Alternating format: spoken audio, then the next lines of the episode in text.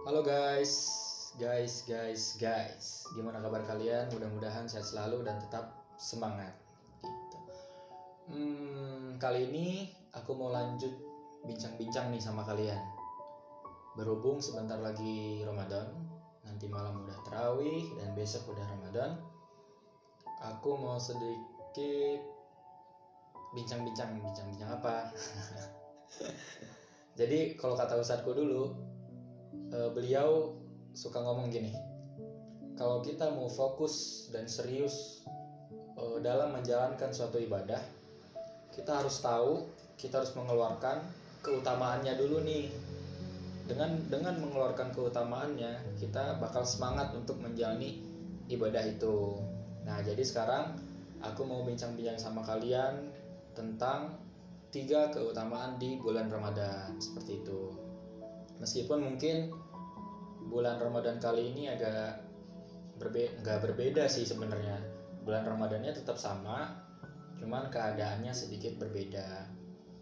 Tapi dengan keadaan berbeda ini semangat kita dalam menjalani Ramadan nggak boleh berbeda dong. Harus tetap semangat untuk beribadah karena sebentar lagi kita bakal mengenal apa aja sih keutamaan di bulan Ramadan yang insya Allah akan bermanfaat bagi teman-teman sekalian.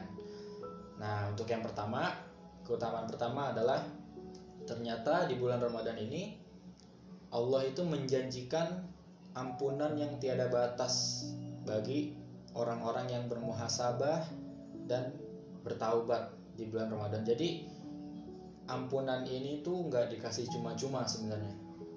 Begitu masuk bulan Ramadan, maka turun ampunan. Nggak kayak gitu cara mainnya. Jadi eh, ampunan ini Allah peruntukkan untuk orang-orang yang benar-benar bermuhasabah diri, mengakui segala dosanya dan bertaubat, benar-benar bertaubat, taubatan nasuha di jalan Allah, maka ampunan itu akan diberikan oleh Allah. Seperti eh, dalam hadis mengatakan man soma imanan wahtisaban hmm, ghufiralahu ma taqaddama min dzambihi. Jadi nggak cukup dengan soma Ramadannya doang, nggak cukup dengan kita menjalankan puasanya doang gitu. Tapi kita menjalankan puasa itu harus dengan imanan wahtisaban beserta dengan muhasabah dan bertaubat mengakui segala kesalahan kita gitu. Dan hmm, uh, untuk informasi teman-teman, ternyata dalam hadis ini tuh baru siangnya doang gitu. Hadisnya tuh mengatakan man soma ramadona soma kan berpuasa berpuasa kan di siang hari kan nggak mungkin malam kan. Dan uh, man soma ramadona imanan mati saban gofiralahu mata kodama min dambihi ternyata ada lagi hadis hadis uh, selain itu yang berbunyi man qoma ramadona imanan wahtisaban ghufiralahu ma taqaddama min dambihi. Jadi perbedaannya itu cuma soma dan koma. Soma ini untuk siang hari ketika kita ketika kita menjalankan ibadah puasa dan koma itu ketika malam harinya.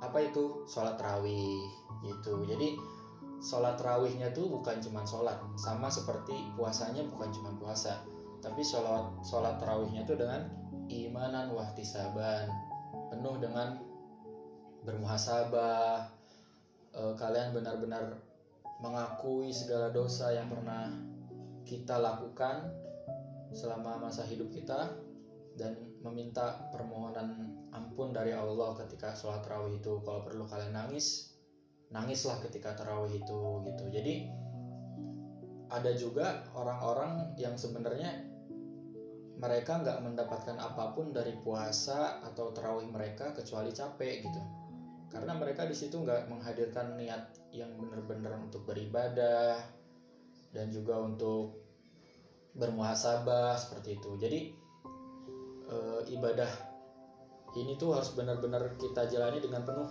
imanan wahtisaban seperti tadi.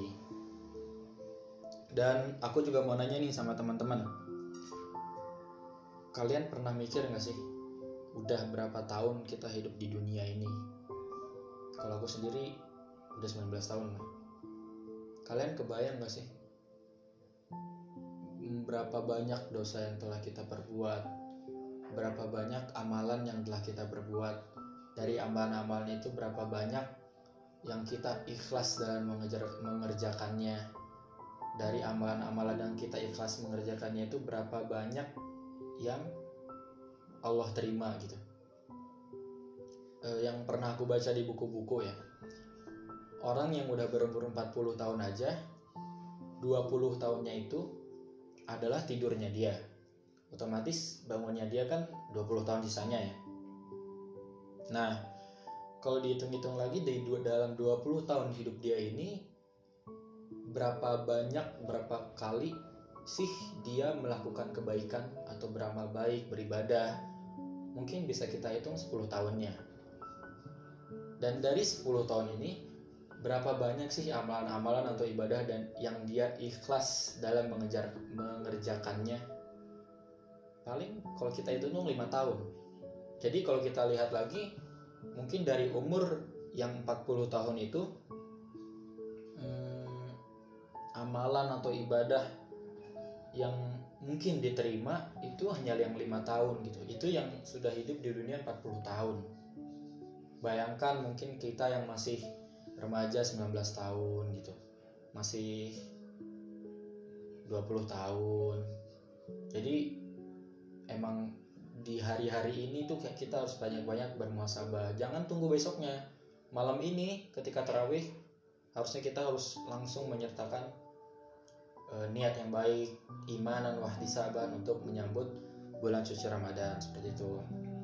Dan uh, keutamaan yang kedua yaitu Lailatul Qadar atau malam seribu bulan. Nah, seribu bulan ini kalau aku kalkulasiin dan aku juga baca-baca terus cari di YouTube segala macam, itu setara dengan 83 tahun.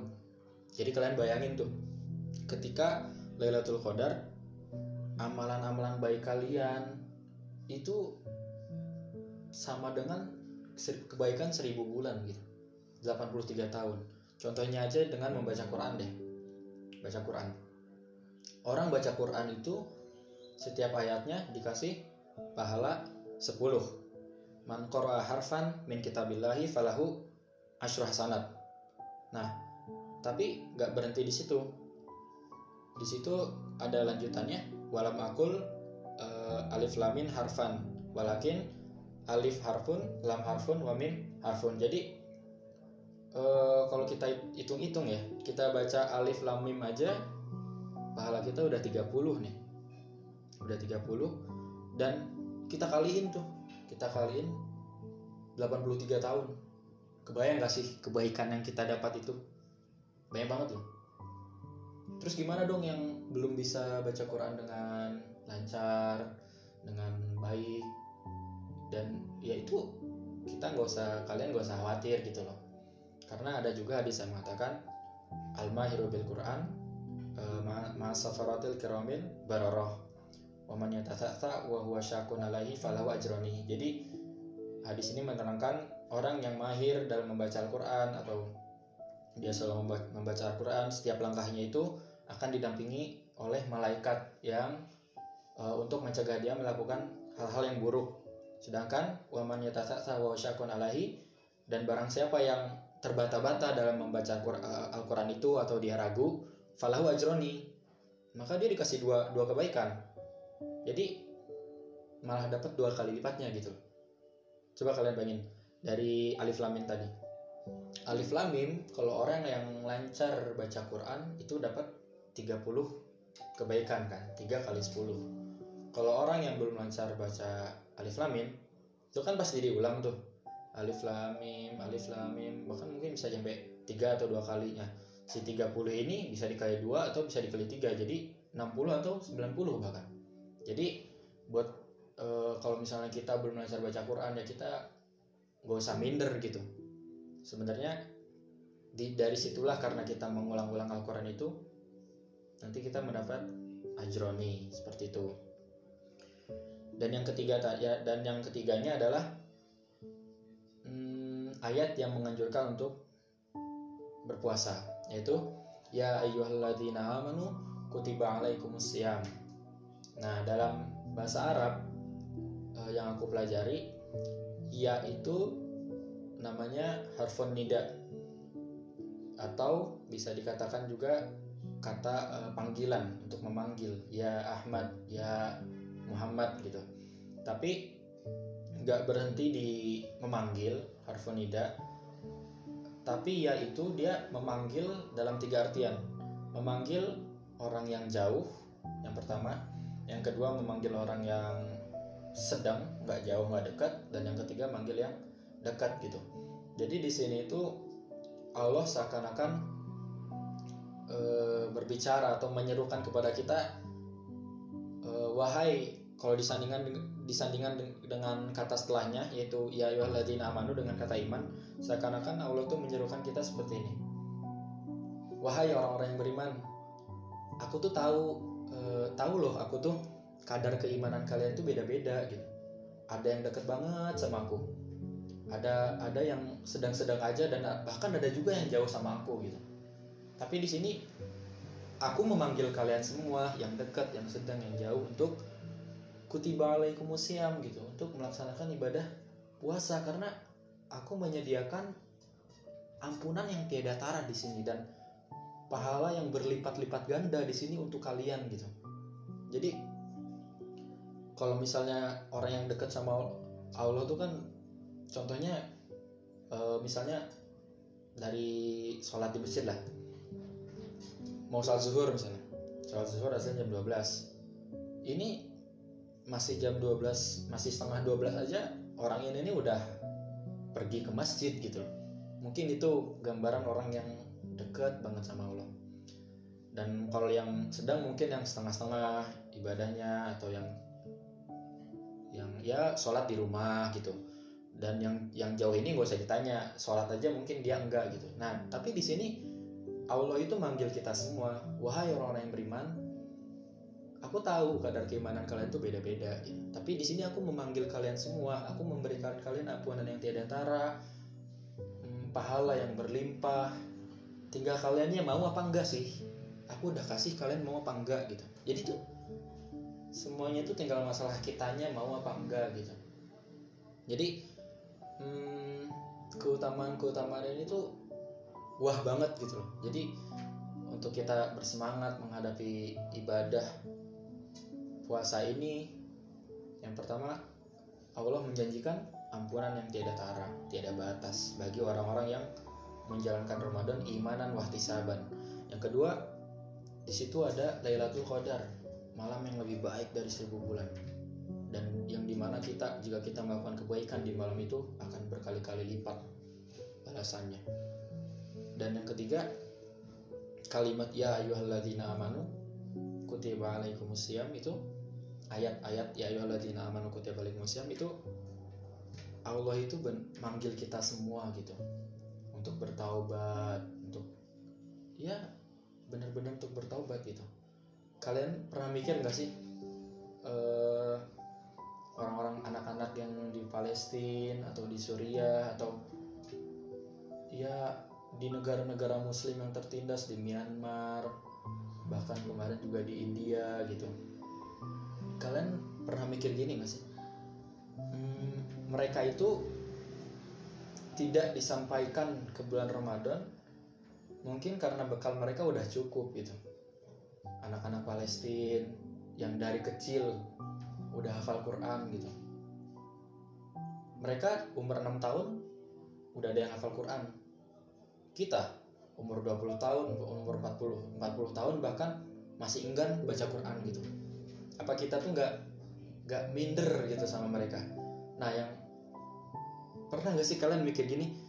Mungkin mereka itu cepat diambil oleh Allah karena bekal mereka tuh udah siap gitu Udah siap untuk pulang. Mereka mereka udah punya bekal yang cukup untuk pulang gitu.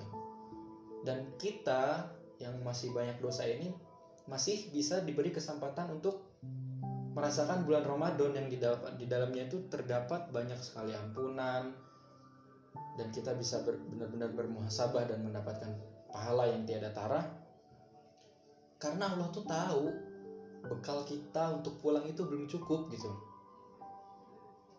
Pernah gak sih kita mikir gitu?